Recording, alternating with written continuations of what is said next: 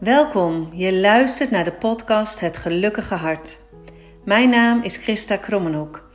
Als schrijver en creatieve maker deel ik kwetsbare en authentieke woorden om mensen weer te verbinden met hun hart en ze te bemoedigen in hun persoonlijke kracht. De gouden inslag in het hart van deze podcast, met de vingerafdrukken van mij en mijn vader, verwijst naar de kracht van liefde en het vaak niet zichtbare goud wat de rafelranden van het leven in ons hart achterlaten. There's a crack in everything. That's how the light gets in. In deze podcast deel ik mijn inspiratie met je over de momenten dat het echte leven bij je voor de deur staat. Wanneer je hart misschien eenzaam of verdrietig voelt en je niet weet wat je met al die verschillende gevoelens aan moet. Ik laat je zien hoe je met creativiteit en schrijven uiting kunt geven aan dat wat er in je hart leeft, om lichter en met meer plezier in het leven te staan. Veel mensen missen een hand die ze helpt met opstaan als het ze door omstandigheden zelf niet lukt. Daarom reik ik mijn hand uit naar jou en hoop ik dat mijn geschreven en gesproken woorden je hart zullen verwarmen en dat het je helpt om in moeilijke tijden weer symbolisch op te staan. Dus pak maar mijn hand en ga met me mee op reis in jezelf. Welkom bij weer een nieuwe aflevering van uh, Het Gelukkige Hart. En misschien zul je wel denken: waar is ze gebleven? Waar is ze al die tijd geweest? Waarom heeft ze geen podcast gedeeld? Um, nou, laat ik zo zeggen dat ik iedere keer bezig was met andere dingen en de tijd ging voorbij. En ik dacht, laat ik vandaag weer eens een podcast opnemen voor je. En wat ik zie bij anderen zijn uh, prachtige podcasten. Die ze allemaal mooi hebben voorbereid. Uh, een heel script hebben geschreven. En dat doe ik dus niet. En iedere keer zegt er een stem op mijn schouder: Ja, maar dat moet je wel doen, want daardoor um, luisteren er meer mensen, is je conversie hoger, verkoop je meer, um, krijg je meer luisteraars. Maar ik geloof erin dat als je echt voelt in je hart een bepaalde weerstand, dat dat dus is uh, een teken wat je niet moet doen. En ik denk dat mijn hart en jouw hart er een beetje hetzelfde uitziet. En de naam het gelukkige hart is eigenlijk ook een beetje cynisch bedoeld. Maar dat had je natuurlijk al een beetje begrepen. Want er is geen één hart wat helemaal 100% gelukkig is. En er is geen één leven wat helemaal zonder verdriet, zonder teleurstelling, zonder angst, zonder nou, blijdschap, liefde en alle andere leuke dingen is. Het hart en het leven, uh, nou ja, zit vol met allerlei dingen. En het gaat erom dat we, volgens mij, er een zo leuk mogelijk leven van maken. En soms is dat lastig, omdat je heel veel dingen op je pad krijgt. Misschien denk je wel, waarom gebeurt het alleen maar bij mij? Um, maar echt, het gebeurt bij iedereen. En aan de buitenkant lijkt het misschien of sommige mensen minder krijgen op hun pad als anderen. Soms is het ook zo. Maar in heel veel gevallen is er toch iets achter de voordeur. Um, het daadwerkelijke kruisje boven het huis. Um, dat iedereen zijn eigen deel in het leven krijgt. En wat wilde ik vandaag met deze aflevering? Ik dacht, waar ga ik het over hebben? Waar ga ik over praten? Waar ga ik over schrijven vandaag? Nou, op dit moment ben ik een uh, werkboek aan het maken voor jongeren in kwetsbare situaties. Omdat er naast de volwassenen ook zoveel jongeren zijn die op dit moment, uh, los van de corona, maar sowieso, die vastlopen in het leven, uh, die geen luisterend oor hebben, die met zichzelf in de knoop zitten, die sombere gevoelens ervaren, die niet dat licht zien, die niet dat toekomstbeeld voor ogen hebben. Um, of die misschien wel in situaties zitten waar ze niet zonder hulp zelf uit kunnen komen. en waar ook hulp vragen heel lastig voor is. En waarom maak ik dit werkboek? Uh, dat komt omdat ik uh, een aantal jaren geleden, het is al best lang geleden, uh, een vriendin van mijn dochter had die uh, betrokken raakte bij een zedenzaak. En iedereen in mijn omgeving zei: Je kan haar niet helpen, want het is een ander milieu. het kind is ehm, zo opgevoed. Het heeft geen zin. Maar op het moment dat zij huilend in mijn armen lag en zei: Christa, ik weet niet waar ik moet beginnen. Gechanteerd, uh, nou de vreselijkste dingen. En ik dacht: ja, als ik dit kind niet help, wie helpt hij dan? En op dat moment ben ik met haar naar de politie gegaan, naar de zedenpolitie. En we zijn een heel traject ingegaan. Ze is uit huis geplaatst. Ze is op zichzelf gaan wonen. En ze heeft haar leven, voor zover mogelijk, helemaal op de rit gekregen. En als ik haar niet had geholpen, was het een hele andere kant met haar opgegaan. En de woorden: je kan haar niet helpen. Ik geloof daar niet in. Ik denk echt dat als je ziet dat er iemand is die hulp nodig heeft, jong of oud, dat diegene een hand verdient. En daarom zeg ik ook altijd: hè, ieder kind of mens verdient een hand die ze kunnen pakken als ze het nodig hebben. En dat is eigenlijk ook waar ik voor sta en wat ik wil uitdragen en wat ik wil doen met mijn werk, met mijn woorden. Ik wil graag anderen helpen of bewust maken dat ze een ander kunnen helpen. Of zichtbaar maken wat er speelt, want er is zoveel verborgen leed. En ik vind het alleen maar fijn dat ik daar misschien een bijdrage aan mag leveren door de boeken die ik schrijf of de werkboeken die ik maak. En op dit moment uh, heb ik dus even de focus op dat werkboek voor de jongeren. En daar wordt mijn hart namelijk heel blij van. Heel gelukkig. En het is ook een beetje dubbel, want er komen natuurlijk ook meteen stemmen in mijn hoofd die zeggen: ja, maar wie ga je dan helpen met dat boek? En uh, hoe ga je dat boek bij de scholen krijgen? En wat nou als het boek niet goed genoeg is?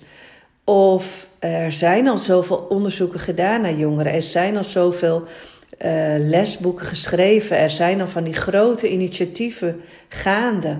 Wat voegt jouw kleine werkboek, misschien wel op kleine schaal, toe aan dat alles? En ik denk dat die stem in mijn hoofd en misschien herken je hem op een ander gebied bij jezelf, dat die ons tegenhoudt en dat die ons verlamt. Het verlamt mij soms dat ik denk: oh, zal ik maar stoppen? Want heeft het wel waarde? Leest iemand dit wel? Heeft iemand er wel iets aan?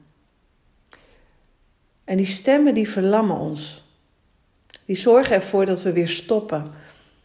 En dat we denken: oh ja, nee, maar misschien is dit niet de goede richting. Misschien moet ik het toch maar zo en zo doen. Of misschien moet ik het maar helemaal niet doen. En ik merk dat die stemmen in mijn hoofd een soort van. Uh, nou, het is net alsof een soort van verstoppertje spelen of tikkertje. Uh, dat ze achter elkaar aanrennen, zo van nu ben jij hem. En um, dat er altijd wel iemand is die praat. En aan de ene kant is dat fijn, want het geeft me ook heel veel inspiratie en ideeën. Ik heb zo'n constante stem in mijn hoofd van allerlei inspiratiedingen. Uh, die gaat zo snel dat ik het niet eens kan opschrijven soms. Waar ik ook ben, in de auto, als ik iets zie, in de douche. Uh, dan komt er een idee omhoog, wat echt een waanzinnig leuk idee is. Uh, en die schrijf ik dan soms heel snel even op op mijn telefoon. Dan ga ik even uit de douche en dan typ ik het even in in mijn telefoon. Um, en die stem is hartstikke fijn, die stem van inspiratie. Maar die stem die zegt: Ja, maar dit is niet goed genoeg. En wie gaat dat lezen? En zie je wel, niemand heeft je bericht gezien. Of er zijn al zoveel anderen. Stop maar. En misschien herken je het wel, misschien heb je deze stem ook. En misschien ook helemaal niet. Maar ik denk dat een gelukkig hart allerlei stemmen in zich heeft en dat het een uh, balans vinden is van allerlei verschillende dingen. Net zoals dat als je heel veel tegenslag ervaart, uh, dat het heel makkelijk is natuurlijk om te zeggen: uh, kijk naar het, uh, het mooie wat je hebt. Wees dankbaar voor wat je hebt. Wees tevreden met wat je hebt. En dan vanaf daar zal het weer beter gaan. Kijk naar het positieve. Kijk naar de gouden randjes. En het is allemaal waar. Alleen soms is dat gouden randje gewoon even niet te vinden. Zoals iemand wel eens tegen mij zei, en is het een beetje een grijs randje, grijs goud gekleurd. En ook dat mag er zijn, moet er zijn. En ik ben eigenlijk wel heel erg benieuwd als jij luistert aan de andere kant. Hè, want ik praat natuurlijk nu tegen mezelf. Uh, maar ik ben wel heel erg benieuwd als je mijn woorden hoort, wat je dan denkt, maar nog meer wat je voelt.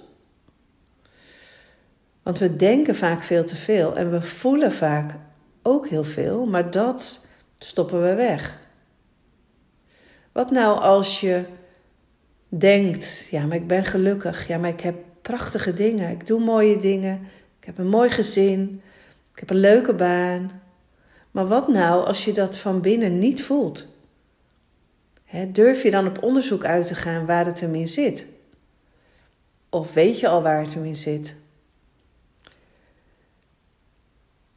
Een gelukkig hart heeft meerdere kanten. En zoals ik ook in de werkboeken zeg uh, en in de cursussen, een gelukkig hart heeft allerlei kamers. En in die kamers daar wonen mensen en gedachten en gevoelens. En misschien heb je wel voor iedereen een apart kamertje. Misschien uh, loopt alles en iedereen bij jou in je hart door elkaar. Dat kan ook. Maar al die kamers, daar woont iemand. Daar woont een gevoel. Daar zit een gebeurtenis. Misschien van nu, pas geleden of van vroeger. Kamers hebben deuren, die kun je dicht doen of open.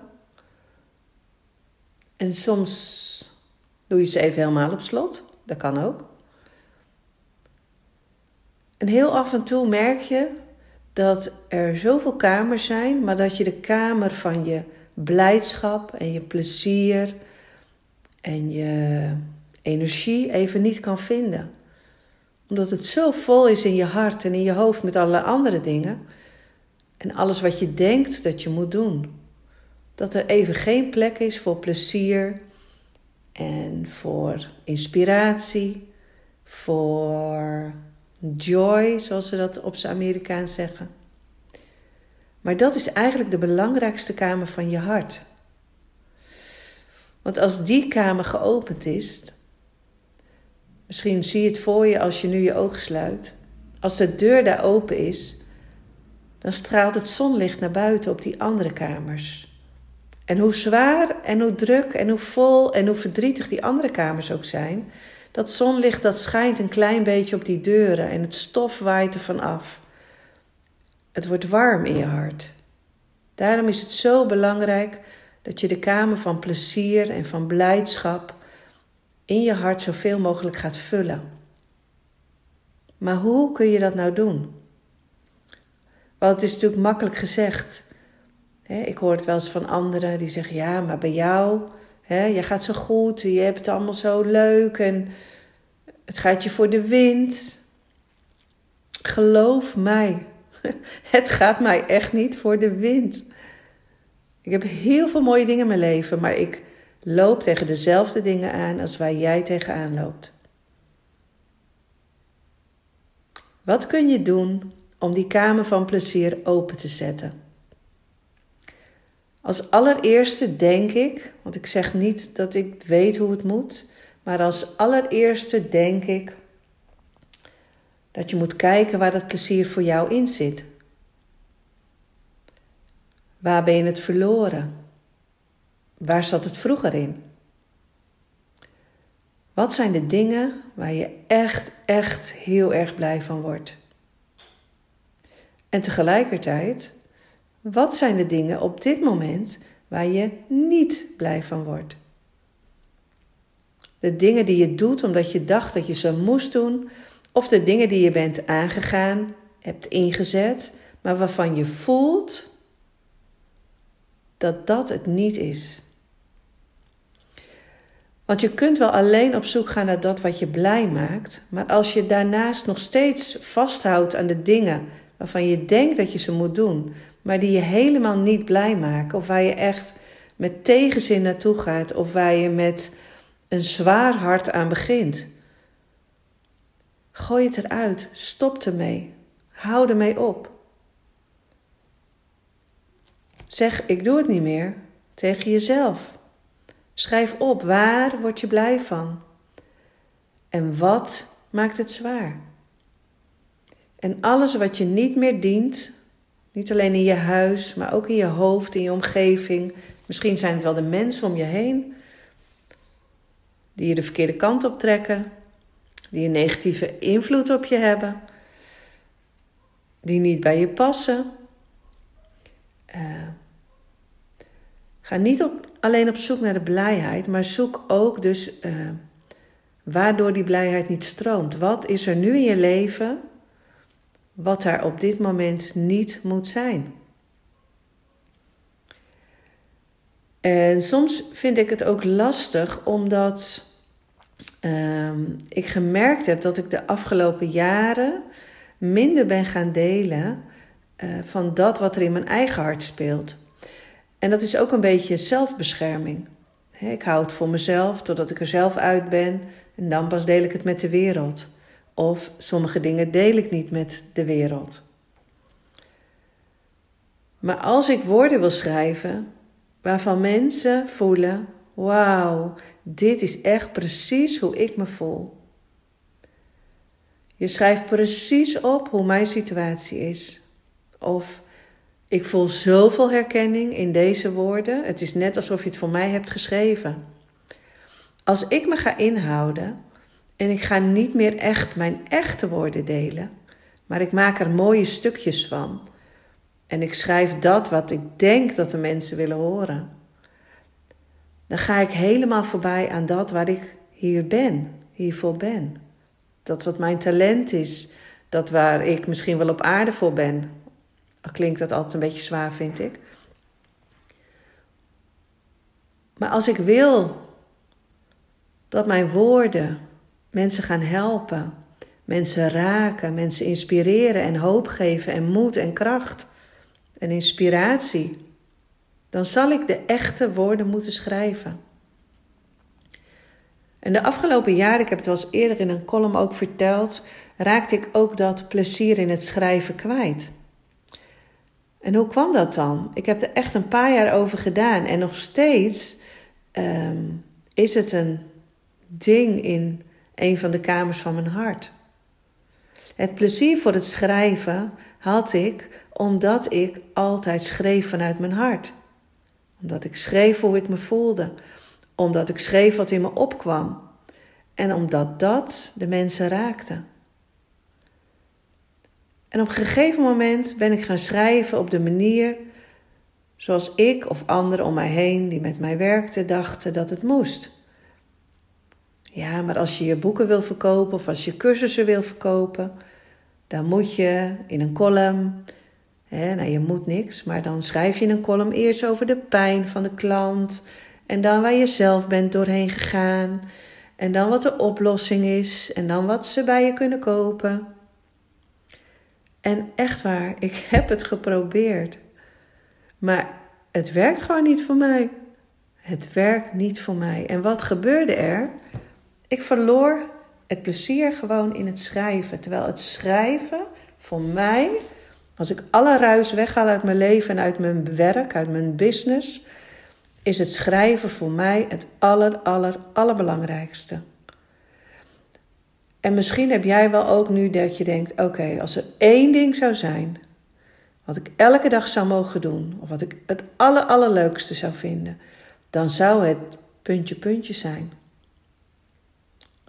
Maar stel je voor dat je daar dan het plezier in bent verloren.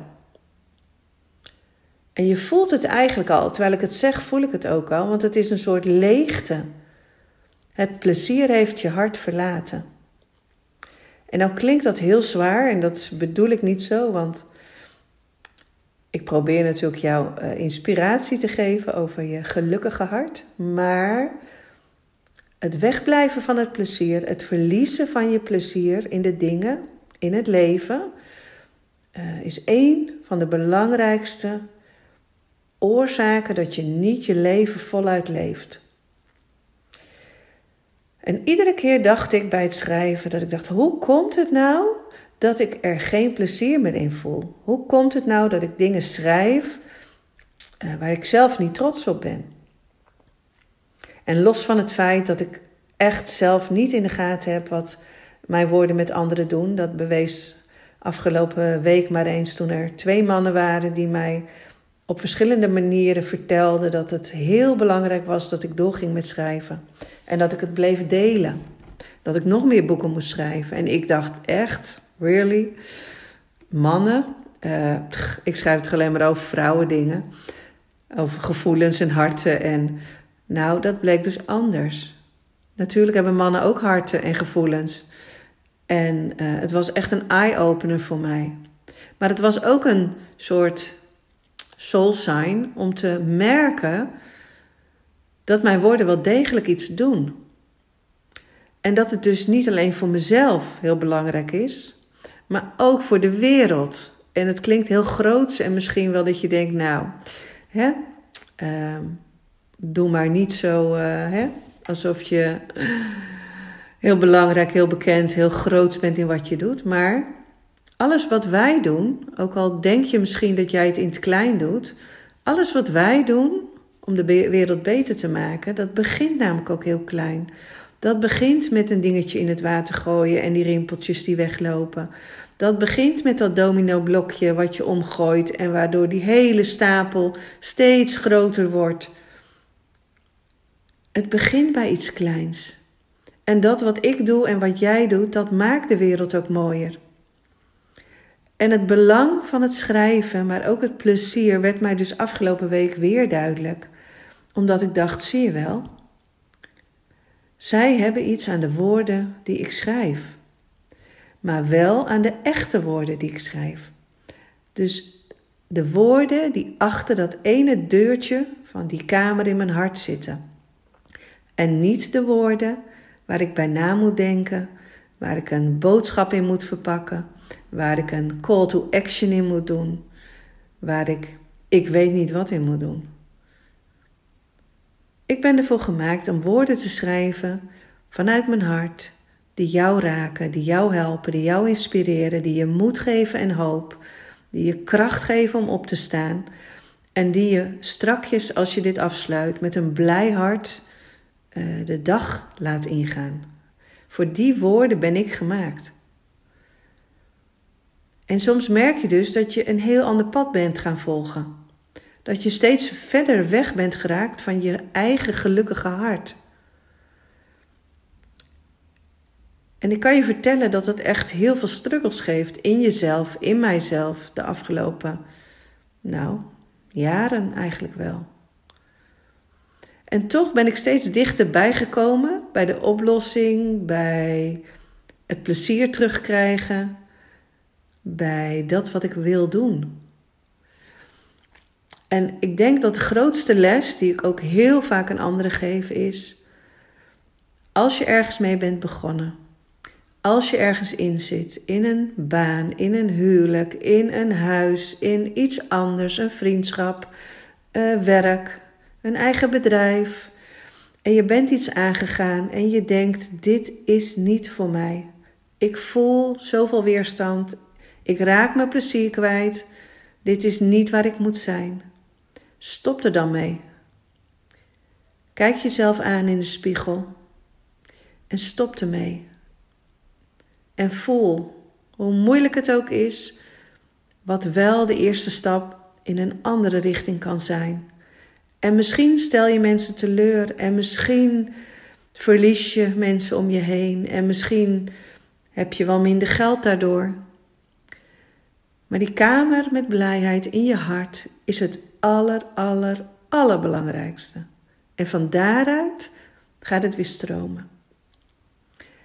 En ik heb dat gemerkt, want op het moment dat ik de woorden schrijf die echt vanuit mijn hart komen, waar ik zonder bedoeling um, ze laat stromen, ze uit mijn hart laat komen. Dat zijn mijn aller, aller, allermooiste woorden.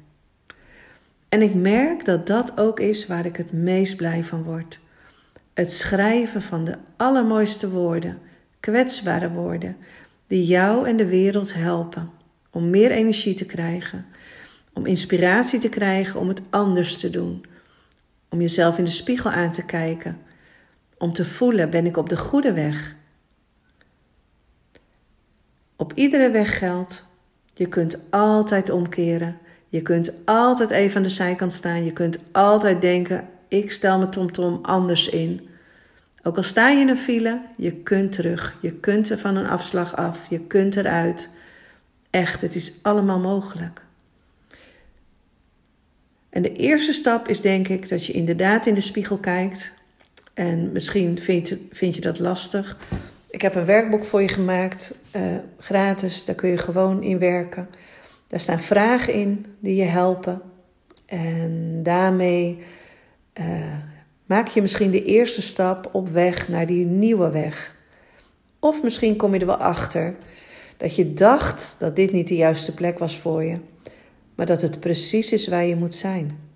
En ik zou je dat echt zo graag gunnen. Dat je een gelukkig en blij leven, een gelukkig en blij hart hebt. Want je hebt maar één leven. Dus maak er iets moois van. Ik hoop dat mijn woorden je hebben geholpen.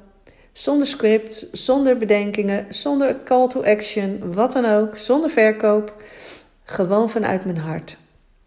En ik hoop dat je geluisterd hebt. Misschien wil je de podcast wel delen op Instagram Stories, op iets anders. Of je stuurt hem naar iemand toe waarvan je denkt, nou, die heeft het vandaag nodig. Uh, zo maken we dus die kleine rimpeling in het water, die dominostenen die om gaan vallen. Als we met z'n allen een duwtje geven, dan bereiken we nog veel meer mensen, zodat er veel meer gelukkige harten zullen verschijnen. Heel erg bedankt voor het luisteren en ik hoop, uh, nou, tot de volgende keer.